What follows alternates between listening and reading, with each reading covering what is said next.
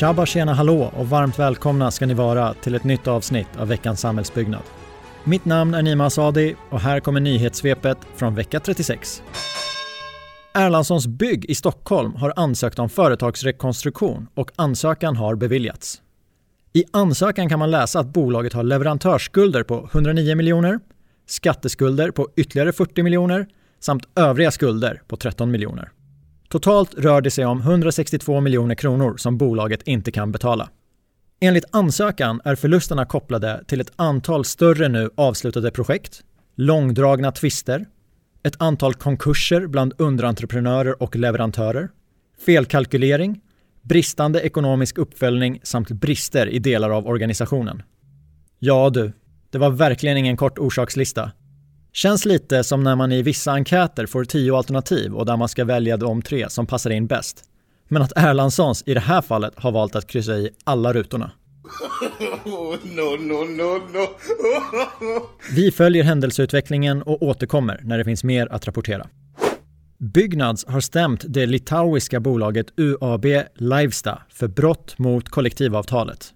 Enligt stämningsansökan har företaget betalat ut lägre timlön än nivån på 161 kronor och 4 öre som deras anställda enligt byggavtalet ska ha rätt till.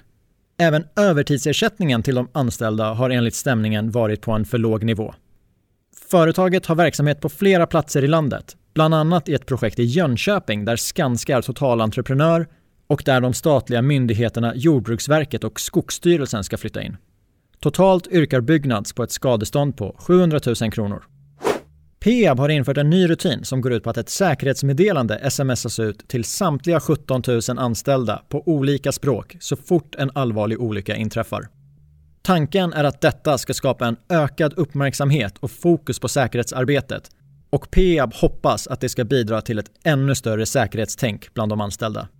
Vad som gäller för underentreprenörer på Peabs arbetsplatser framgår inte av pressmeddelandet. Mer Peab.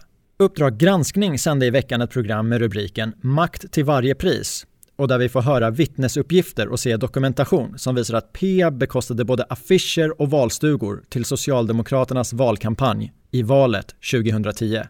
Fakturorna på nästan 400 000 kronor gömdes i ett av Peabs många byggprojekt i kommunen. Peabs svar på uppgifterna är enligt följande. Vi citerar. Vi har nu gått igenom alla sponsringsavtal och sponsringsfakturor tillbaka till 2010 och inte hittat någon sponsring av politiska partier. Men med detta sagt går det inte att utesluta att det ändå har skett. Det är möjligt att den lokala Peab-organisationen kan ha sponsrat både valstugor och banderoller i Sigtuna 2010. Aj, aj, aj. Det är verkligen ingen smickrande bild som målas upp och tidigare medarbetare på Peab vittnar om mutor, vänskapskorruption och osunda affärer. Det är klart, i ett bolag med 17 000 anställda så kan det självklart finnas enskilda individer som bryter mot etik, moral, lagar och regler. Men då är det extremt viktigt att bolaget agerar så fort de får kännedom om uppgifterna.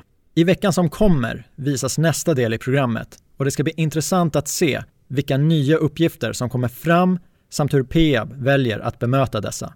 Håll utkik på SVT Play. På uppdrag av byggcheferna så har 1700 chefer i samhällsbyggnadssektorn varit med och svarat i Novus-undersökningen Byggchefsbarometern. Vi sammanfattar.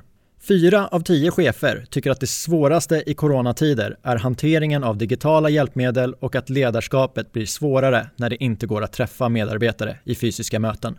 Hälften av cheferna har förändrat verksamheten i någon form. De tre största utmaningarna är lönsamhet, att behålla eller öka produktivitet och att hitta rätt kompetens. Var femte chef ser möjligheter i krisen, till exempel digitalisering och effektivare möten. NCC har inlett en landsomfattande digital samtalsturné om hur vi i Sverige ska bygga oss ur den ekonomiska krisen. Thomas Karlsson, som är VD och koncernchef på NCC, lyfter särskilt upp tre områden som förslag på konkreta och långsiktiga investeringar som snabbt går att starta upp. Renovering av bostäder i miljonprogrammen, investeringar i landets VA-nät samt upprustning av kraftverkens dammar. I panelen fanns förutom Thomas Karlsson även Lena Eriksson, Trafikverket, Claes Eklund, Omstartskommissionen, Jan-Olof Jacke, Svensk Näringsliv och Per Bolund från regeringen. Även andra förslag som att rusta upp väg och järnvägssidan, bygga ut elnätet och den digitala infrastrukturen samt att ställa om till mer hållbara lösningar lyftes fram under samtalet. Kris eller inte kris? Det känns som att det har pratats om de här satsningarna och hur viktiga de är även före coronapandemin. Och på ett sätt kan jag reagera på att olika parter lyfter fram samma hjärtefrågor som alltid, men att de nu lägger till coronakrisen i sina gamla vanliga argument. Men samtidigt kan jag konstatera att det känns som rätt vettiga investeringar att göra. Så hejarop från oss och vi hoppas att detta leder till något positivt. Boverket skriver upp sin byggprognos. Enligt prognosen ska det under 2020 påbörjas 48 000 bostäder och 42 500 under 2021. Detta innebär att antal påbörjade bostäder minskar med 9% i år och med ytterligare 11% nästa år. Bra eller dåligt beror nog på vilka glasögon man har på sig. Känns som att både optimister och pessimister kan använda sig av siffrorna i sina argument. Kul ändå att bägge sidor kan ha något gemensamt.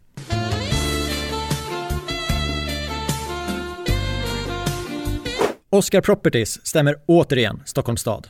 Även denna gång gäller stämningen det stoppade Gasklockan-projektet och det är i princip samma upplägg som tidigare, men med ändringen att det nu är ett av Oscar Properties dotterbolag som står bakom stämningsansökan.